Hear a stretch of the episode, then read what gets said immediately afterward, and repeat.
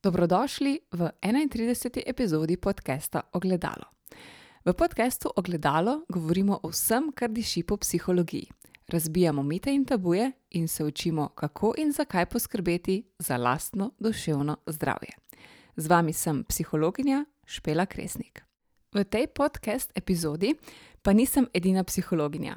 Namreč v goste sem povabila kolegico psihologinjo Laro Delič, s katero sva govorili o življenju oziroma o družini po ločitvi. Ne bom se kaj preveč ustavljala, ampak vas samo lepo povabim, da prisluhnete najnemu prijetnemu pogovoru in verjamem, da boste v njemu dobili kar nekaj koristnih in uporabnih informacij.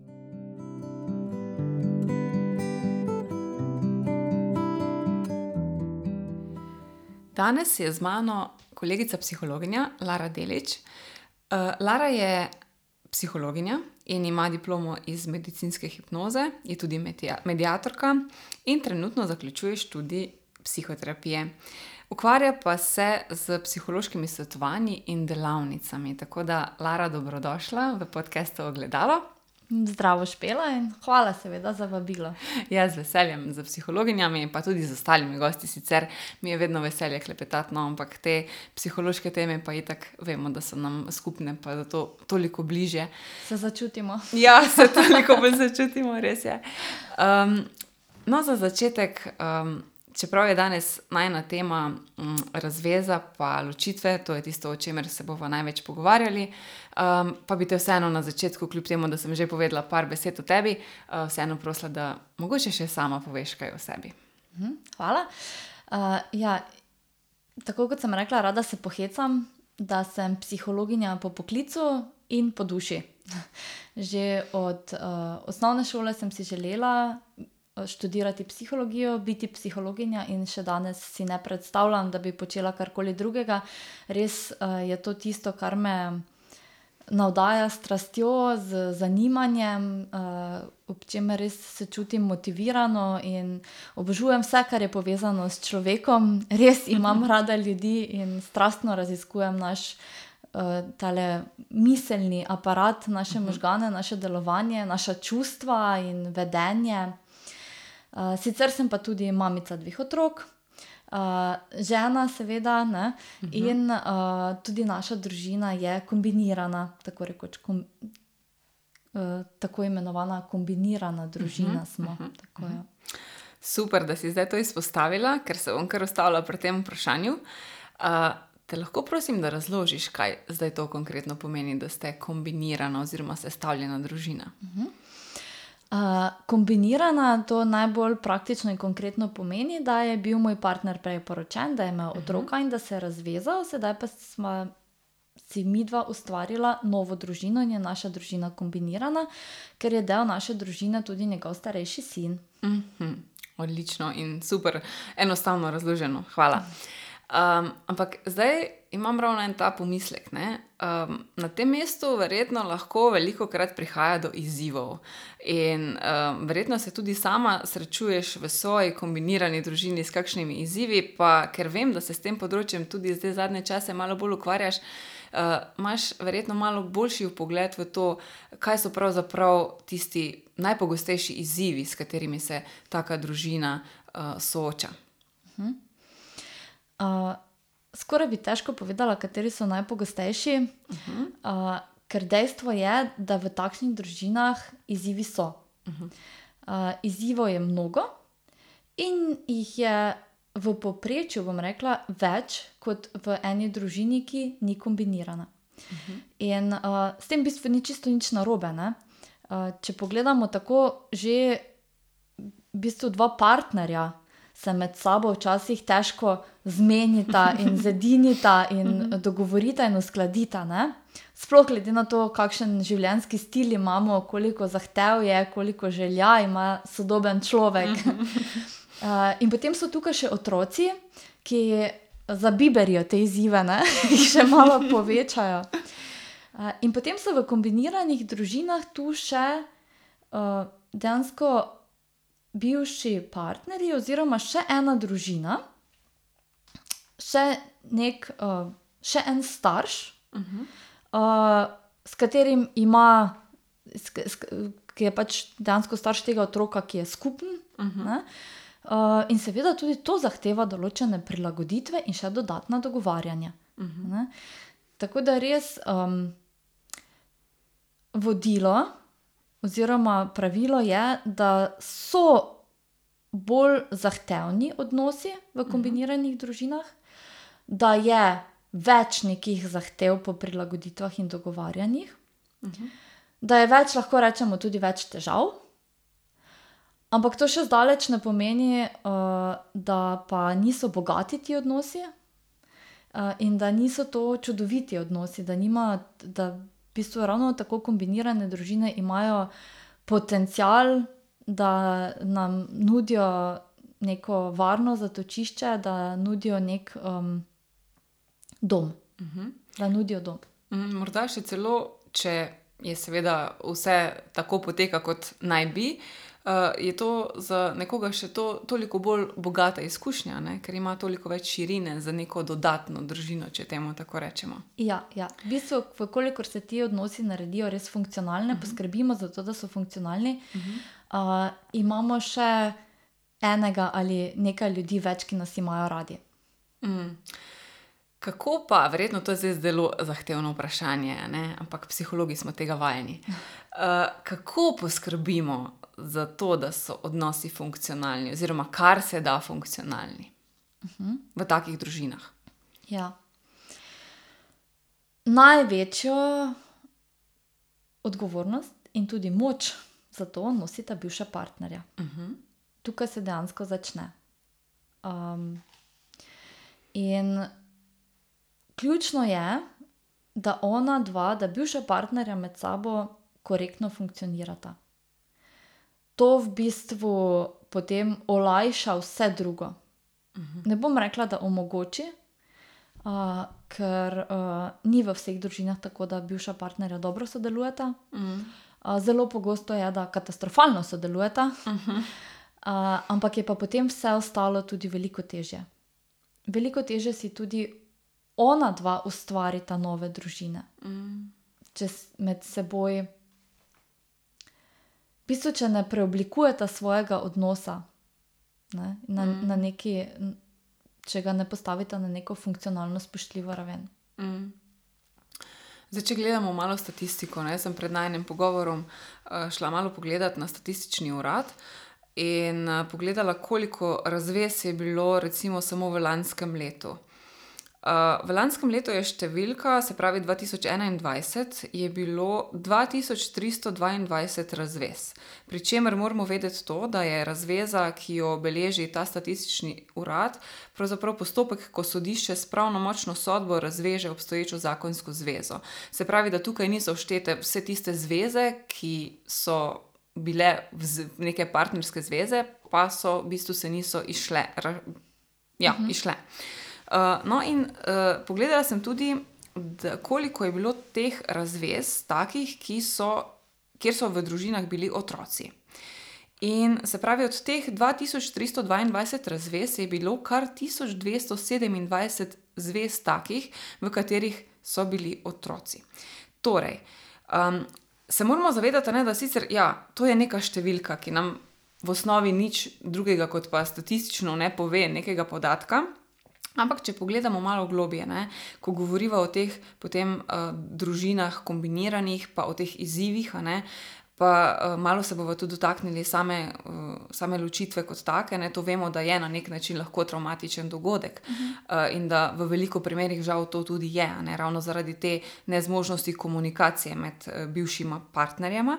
No, in če pogledamo, ne, da je teh ločitev bilo 1227 takih, kjer so bili tudi otroki zraven.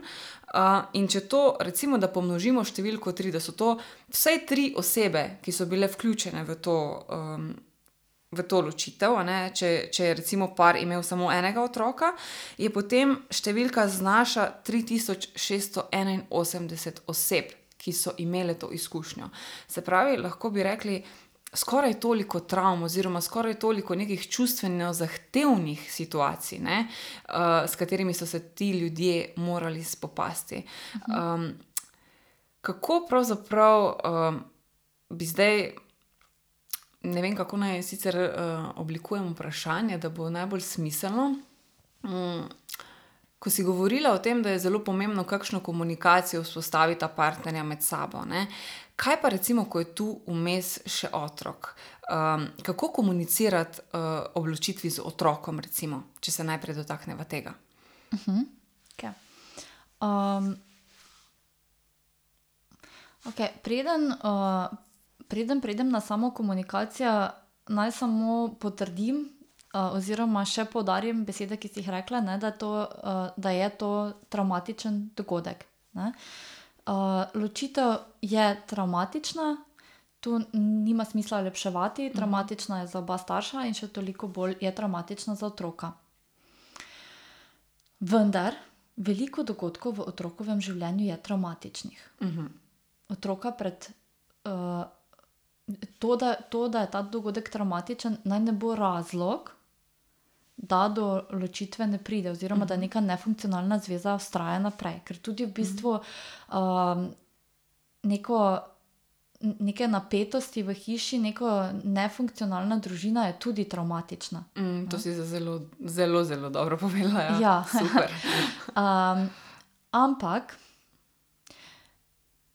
kar, česar v bistvu se ne zavedamo, morda vemo, ampak se tega premalo zavedamo, je to, da prvo otrok je zmožen travme predelati uh mhm. -huh. in je pomembno, da se jih nauči predelati kot drugo pa za otroka ne bo tako zelo traumatična ločitev, kolikor je lahko traumatično vse tisto, kar se dogaja po ločitvi.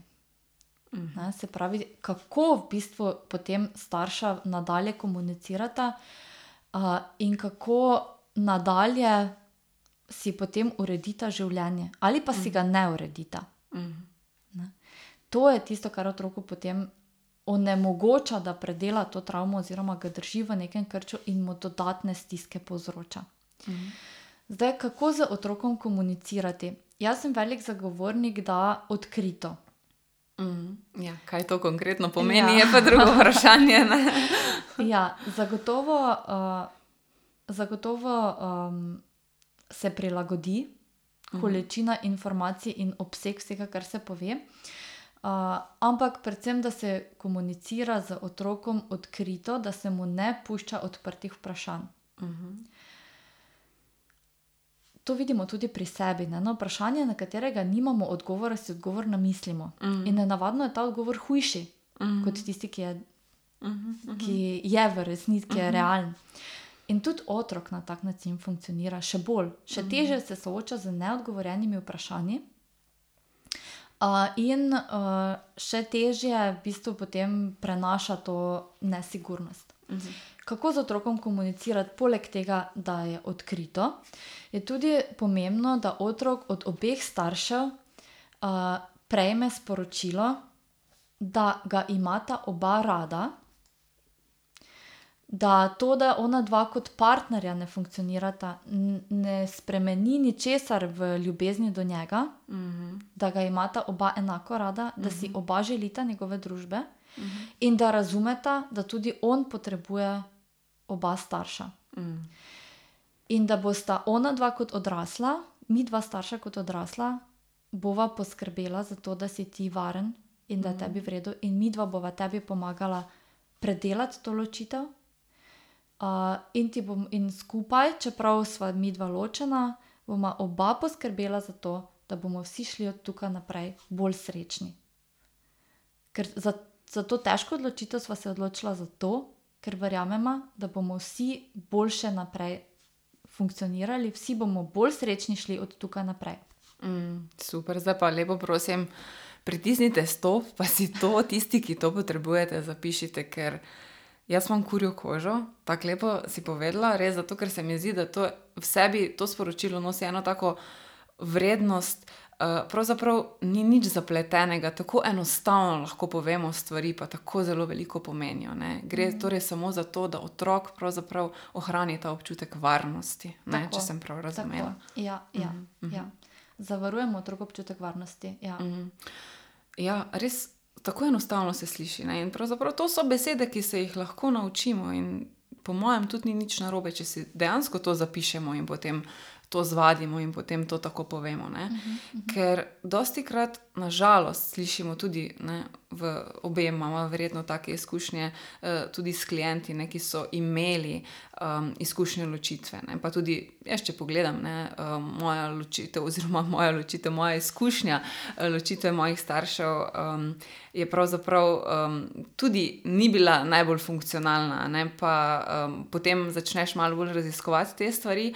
Uh, in se mi zdi, da bi bilo dobro, mogoče znotraj tega podcasta uh, malo opredeliti, kaj se zelo pogosto dogaja potem -huh, in -huh kaj ni ok, da se dogaja. Recimo, ne, razna podtikanja, razna izkoriščanja otroka v smislu tega, da koga bo imel raje, kdo mu lahko več da, uh, da je otrok, recimo, vmes uh, pod narekovaj pismo noša, ne, da uh, nosi neko, neko sporočilo od mame k očetu ali obratno. Uh, kaj so torej, mogoče še par takih idej, kaj so neka vedenja in dejanja, ki jih naj potem po ločitvi torej, uh, ne bi bilo, oziroma v katerem naj ne bi vključevali otroka. Uh -huh, uh -huh. Um, ja, v bistvu aha, bom začela tako. Uh, otrok, ko vidi starša v stiski, uh -huh. začuti potrebo, da mu začne pomagati. Absolutno. Uh, zato, ker je otrokova sreča, otrok je odvisen od starša. Uh mhm. -huh. In njegova sreča je odvisna od tega starša, od obeh staršev. Uh -huh. uh, in ko, je, ko vidi, da je starš nesrečen, je tudi sam težko srečen in začuti potrebo, da gre staršu pomagati.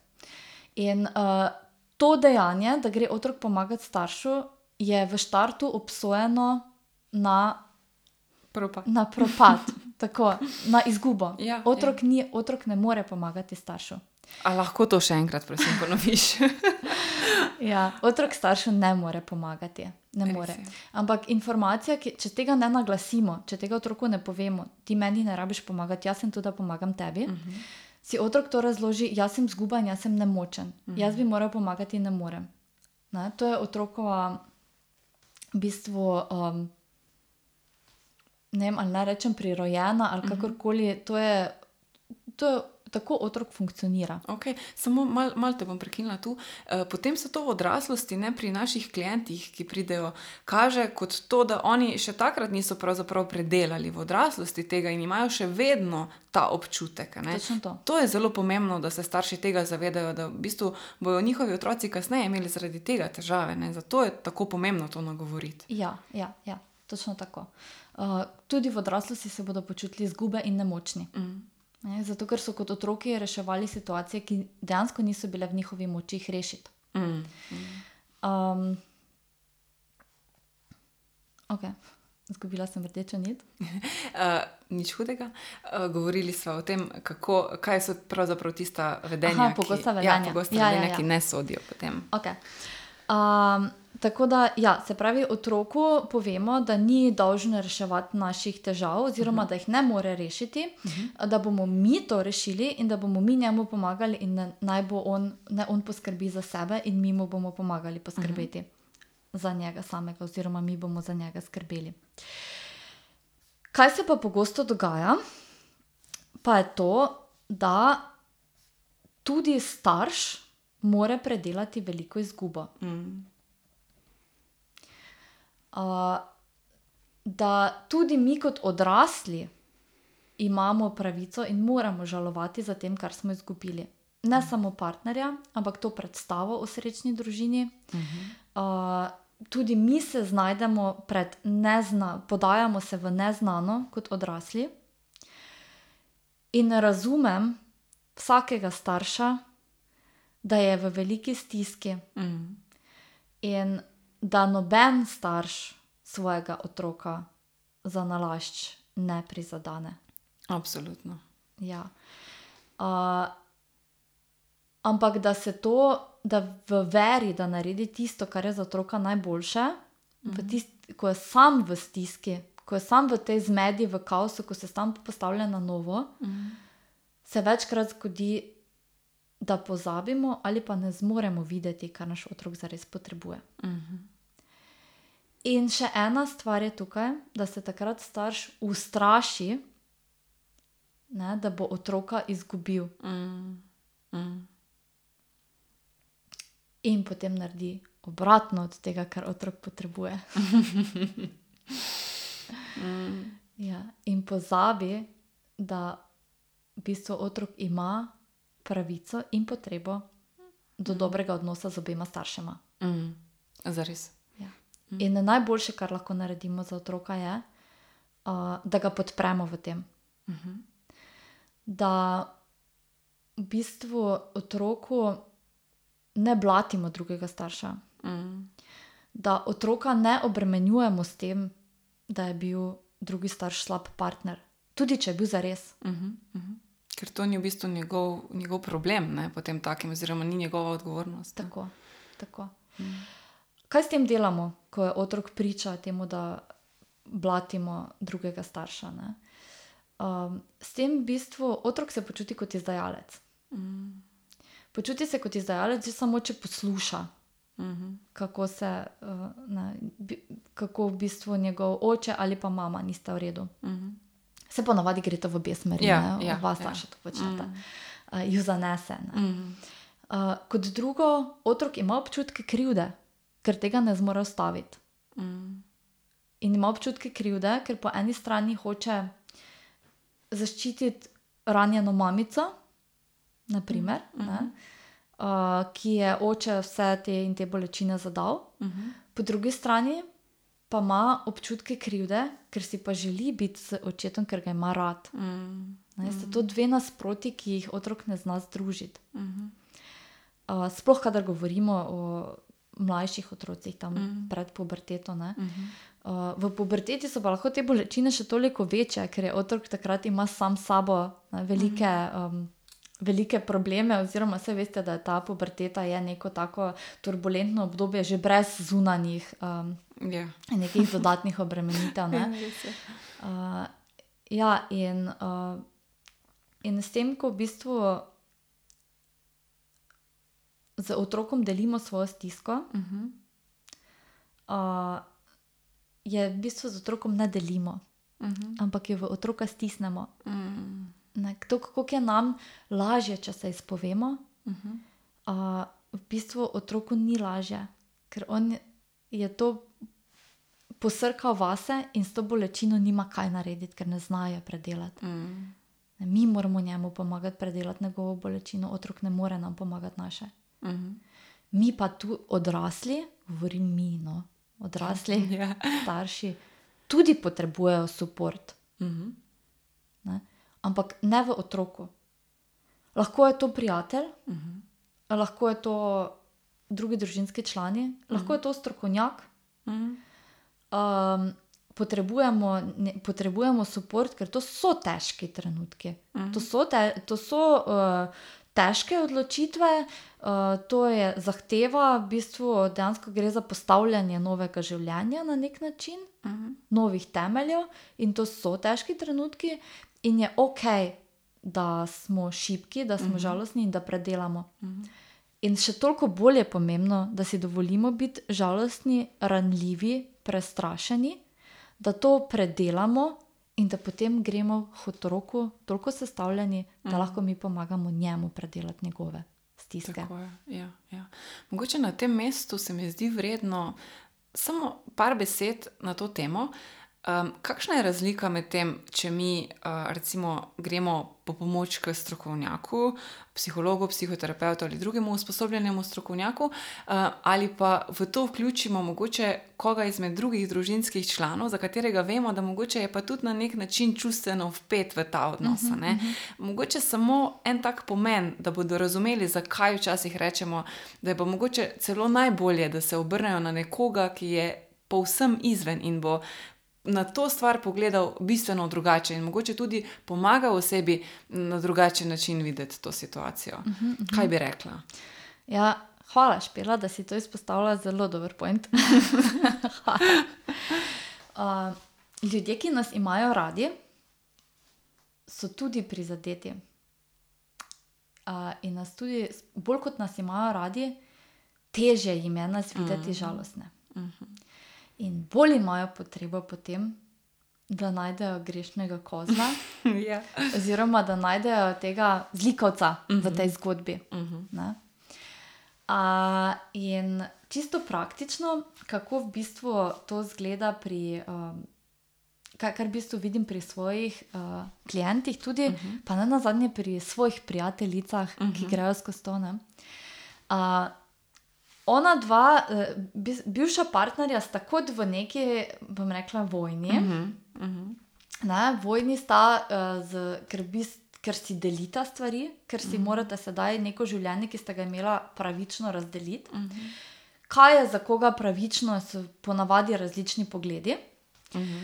uh, in vsaj del tega, te delitve in teh dogovorov poteka na. Pri odvetniku, pri mm. nekih ustanovah, kjer pač se črno na belem določi, kaj komu pripada in mm -hmm. v mhm. kakšni meri, in tako naprej. In ko pride do teh konfliktov in do teh različnih pogledov in prepričanj, kaj in v kolikšni meri komu pripada, se potem mi posvetujemo s prijatelji, uh -huh. z odvetniki uh, in v tem krogu z družinskimi člani in tako naprej, ti, ki držijo na naši strani, držijo za nami. Uh -huh pri ločitvi, oziroma pri teh zadevah, pa ni nujno vedno vse črno-belo, mm. tako kot funkcionira recimo sodni sistem. Mm. In ni najbolj pomembno, kdo ima prav. Mm. In ni najbolj pomembno, kdo zmaga, ker v resnici, takrat, ko se gremo, kdo zmaga, ne bo zmagal nihče. Mm. Yeah. Ja. Uh, še najmanj pa otrok. Mm. In potem nas naši prijatelji napumpajo, pokaži ti njej.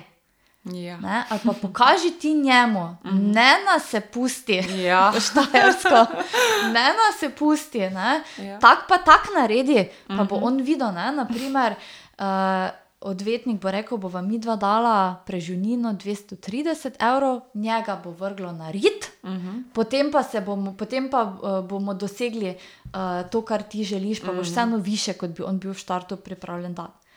Okay. Zdaj pa se tako vprašamo, to je tako en klasičen primer okrog denarja. Uh mhm. -huh. Zakaj bi jaz namenoma hotla provocirati, zbujati jezo uh, in zbujati konflikt z bivšim partnerjem? Vse jih je tako že dovolj. -huh. Dovolj je konfliktov med nami, veliko je nestrinjanja. Ja, se zato v končni fazi greš na razen. Ne? Tako. Ja.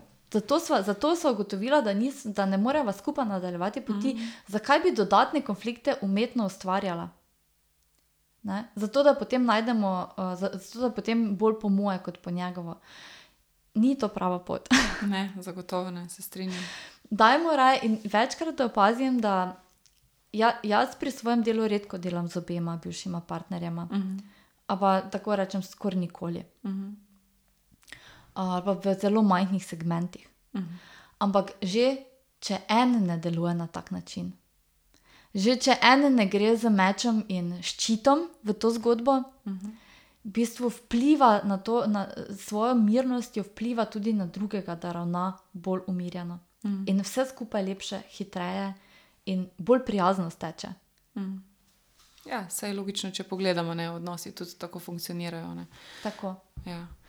Um, torej, zdaj, če tako na kratko povzamemo, um, priporočljivo je, torej, da se vedno pogovarjamo o vsem odkrito, da poskušamo čim bolj z nekimi um, ne takimi manevri, kjer bi povzročali še več škode, uh, in da takrat najprej pri sebi, oziroma za sebe, poiščemo pomoč in pomagamo sebi, tako. da bomo lahko potem pomagali otroku.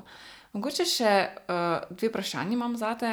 Eno bi, um, bi še mogoče zdaj um, na kratko.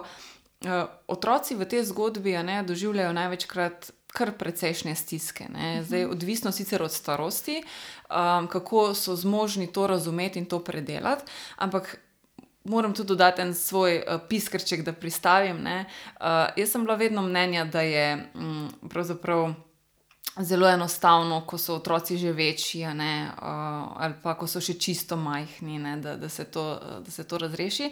Vse dokler nisem doživela lastne izkušnje, ne, ločitve staršev. Uh, ko sem bila pravzaprav že bolj ali manj, uh, takrat sem že tudi jaz imela svojega partnerja, pa že kar precej let v zvezi. Pravzaprav skoraj da nisem več živela doma, ampak. Um, Moram reči, da, no, da vedno, da ne glede na to uh, starost, um, otroka prizadene. Ne? In uh mhm. -huh. vsak, ne glede na to, koliko je star, tisti ta tretji, ki je otrok, mora na nek način eh, to izgubo, kot si prej omenila, ker tukaj gre vendarle za izgubo neke predstave o družini, uh -huh. uh, po kateri pravzaprav celo življenje na nek način hrpeniš. Uh, in ne glede na starost, je treba to predelati. Zdaj, če se mogoče vrnemo neko ko govorimo o tem, da ko so otroci že odrasli, to lahko predelajo kot odrasli, ne? si tudi zase poiščejo pomoč, če je to potrebno. Kaj pa recimo, če imamo zdaj nekega starša, ki pa uh, je najprej poskrbel zase, se pravi, vse to je odkljukal in potem ugotovi, ne, da pa otrok potrebuje pomoč.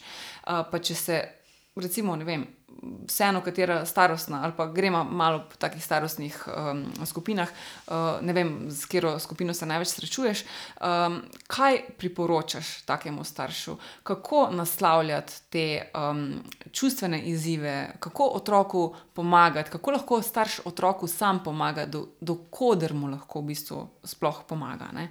Kaj bi bili tisti neki manevri, um, mogoče to. -huh. da malo razdelava.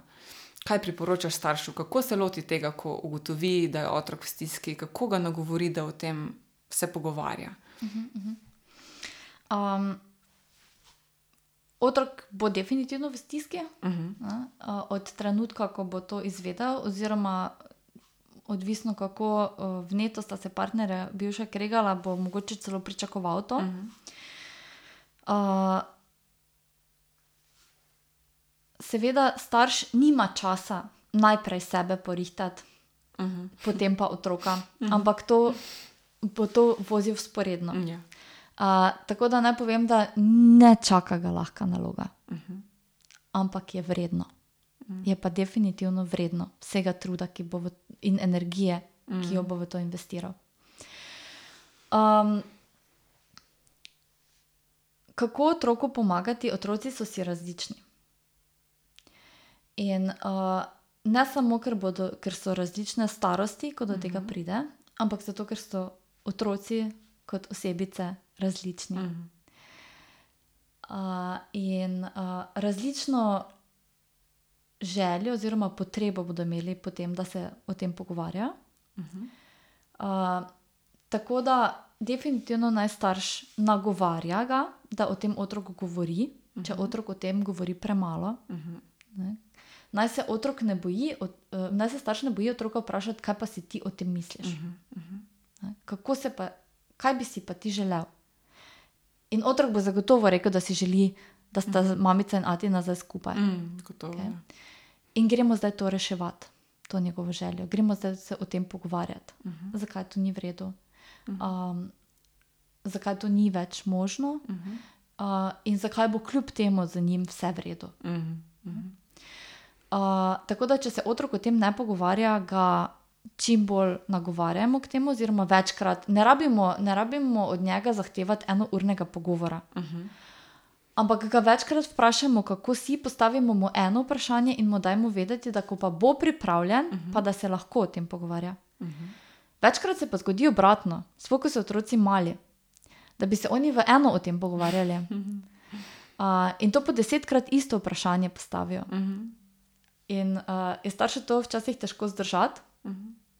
uh, ampak naj vas spodbudim, da dajte to zdržati, dajte mu odgovarjati, dajte ga potem vi vprašati, naj vam on sam odgovori to, kar ste mu že povedali. Uh mhm. -huh. Zakaj? Zato, ker otroci travmo predelujejo na ta uh mhm. -huh. način, da se o njej pogovarjajo. Ja, to je razvojno. Uh -huh. Tako, uh -huh. ja, ja. In večkrat hočemo otroka obvarovati, to pa nasploh velja, ne samo pri ločitvah, uh -huh. ampak recimo hočemo otroka obvarovati, da ne bi on trpel, uh -huh. pa se delamo, kot da nič ni, ali pa se uh -huh. ne pogovarjamo o tem.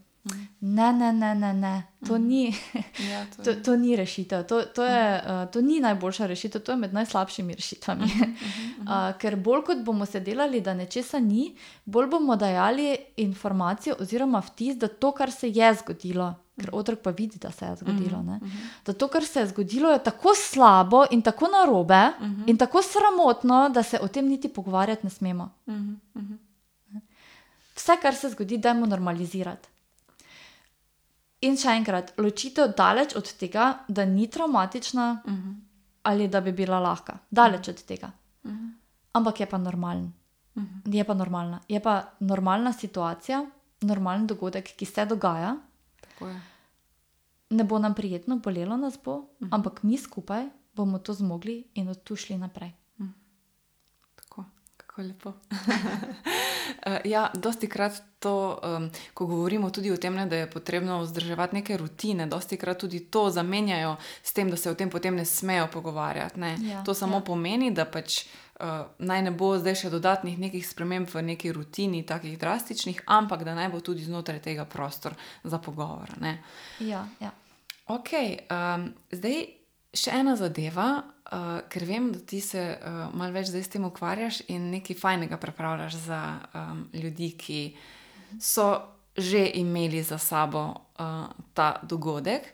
Uh, Bi te jaz prosila, ker preden da jaz karkoli začnem razlagati, je najboljš, ker si najboljša referenca za to, da kar ti sama malo poveš, uh, ker se mi zdi ena taka um, fajn zadeva, no, da imajo to tudi starši na voljo, da vejo, kam naj se obrnejo zdaj po vsem tem slišanem. Uh, ja, pripravljam vodič za ločenega starša, uh, ki pa ni knjigica ali beležka, Ja.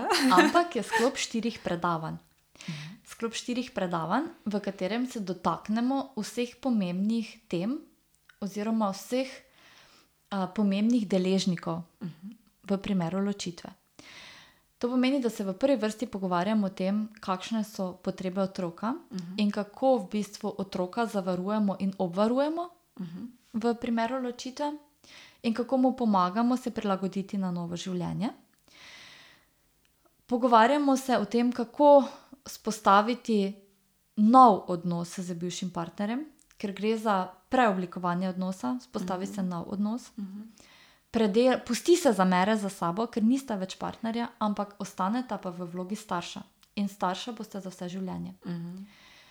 In s tem postavimo temelje, da si potem starš lahko na novo postavi novo življenje, novo družino, da obrne nov list. Uh, in to je potem tudi v bistvu tretje predavanje, v katerem pa govorimo o tem, kako vpeljati novega partnerja, kako predstaviti novega partnerja. Uh, in tudi uh, dejansko, kakšna je potem vloga novega partnerja v tej družini. Ne, Tako da tudi novim partnerjem uh, pomaga, um, pomaga v bistvu se vključiti in uh, pomaga rasti v tej situaciji. Ker jaz sem dejansko bila ta novi partner. Uh, in jaz moram reči, da imam, um, da sem imela v tem smislu srečo, ker izhajam iz uh, zelo funkcionalne in ljubeče družine. In se jaz v tej situaciji, ko sem se s tem srečala, nisem niti približno vedela, kaj pričakovati. Uh, in nisem, v bistvu, ko so se začeli pojavljati ti izzivi kombinirane družine, uh -huh. jaz nisem vedela, v katero smer naj se obrnem in kaj je prav početi. In se mi zdi, da bi mi takrat res koristilo, da bi pa jaz lahko k nekomu šla ja. ali pa se z nečim takim srečala, z enim vodičem, v bistvu, kako, uh, kaj, kaj smem, kaj ne smem, pa je zelo malo stvari, ki jih ne smemo.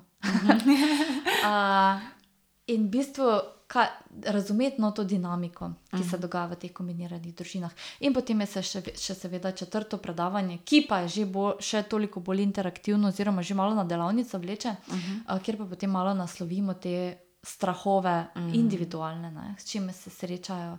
Bom, bom zmogla, bom še kdaj ljubljena Ja. bom, g- me bo kdo sprejel, uh, ali pa kot moški, ne, v, bom imel, pa, pač ponavadi no, imajo moški več teh vprašanj, me bo imel otrok enako rad, bom Ja. imel enako vlogo, enako vredno vlogo v otrokovem življenju. Um, in tako naprej. ne. Zdaj pravim, um, ponavadi je to bolj moško, pa imajo ženske več vprašanj, če jih bo kdo ljubil, uh, ampak uh, ni pa to pravilo. Ne. Mhm. Ja, vedeti moramo, da tako ženske kot moški imajo tukaj eh, številne izzive, s tem, da mogoče je treba moške tu še dodatno spodbuditi, da malo več spregovorijo o tem. Ja, ja. Mhm, okej. Moški nasploh bolj uh, ne, zadržujejo za sebe uh, Mhm, mhm, svoje ja. stiske. Ne. Ja. Okay, kdaj to uh, pripravljaš, oziroma lahko zdaj najne poslušalce ti že povabiš, kako to najdejo, kako do tega pridejo? Ja, uh, seveda vabim vas, da me spremljate na Facebook profilu Psihologinja Lara, na Instagram profilu Psihologinja Lara. Uh, trenutno vas ne bom povabila na svojo spletno stran, ki, je, ki čaka na prenovo, lahko pa tudi no, psihologinja-lara.si.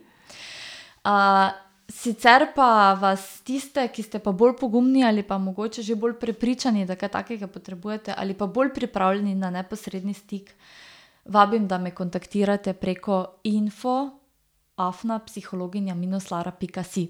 Mhm. Uh, z vodičem za ločenega starša pričnemo 10.10. Uh, ampak se mesta že kar precej polnijo, uh, tako da, ko bo interes, bomo pa nove datume razpisali. Tako da, tudi če v bistvu je, uh, bodo termini zasedeni, oziroma če še niste pripravljeni stopiti v to, pa čutite, da počasi boste, uh, boste obveščeni o novih terminih. Se ja. kar prijavite. Ja, glede na številke, ki so na letni ravni, ki jih kaže statistični urad, ne, bo kar vedno večja potreba po tem. Uh, super, vse te uh, podatke uh, in za kontaktne podatke bom jaz tudi dodala v opis te epizode, tako da boste vsi uh, imeli še zapisano, kje lahko Laro najdete, kako stopite z njo v stik. Um, jaz mislim, da smo sicer en lep del teme uh, predelali, se, mislim, da je kar nekaj, uh, nekaj uporabnih informacij uh, bilo. Uh, vsekakor pa sem prepričana, da uh, bi bilo dobro, če se še kadarkoli uh, vrneva na to temo, ker je tako zelo široka, da mislim, da bi se še lahko o tem pogovarjali kar precej časa. Ja, se strinjam z veseljem. Ja. Z veseljem. Um, no, eh, super. Uh, Lara, hvala, da si si vzela čas. Uh, hvala za vso tvoje bogato znanje, ki si ga delila v uh, podkastu Ogledalo. Uh, jaz upam, no, da se še res kdaj odzoveš na povabilo. Seveda, Špela, hvala tebi za vabilo. Uh, res mi je bila prijetna izkušnja, moram reči, da je to moj prvi podcast. Uh, tako da ne bi si mogla želeti uh, drugi, z drugo osebo uh, te premjere narediti kot s tabo. Res sem se dobro počutila in z veseljem se vrnem. Super, tako da, da si prebila let. Ja. Okay, mogoče uh, za, kot popotnico uh, je še kaj takega, kar bi rada sporočila uh, poslušalkam in poslušalcem. Uh, ja, rada bi sporočila, da uh, it's never too late to do the right thing. Mm, Ja, nikoli ni prepozno, da naredimo to, kar je prav. mm, In uh, to velja za temo ločitev, ki smo jo opravljali danes, o kateri smo se pogovarjali danes. Uh, se pravi, tudi če je bilo to pred petimi leti, pred sedmimi, pred osmimi, pa čutite, da še vedno ni te funkcionalnosti, da še vedno niste prišli do te pomiritve, uh, ste vabljeni, da me kontaktirate, mene ali drugega strokovnjaka, ki se s tem ukvarja.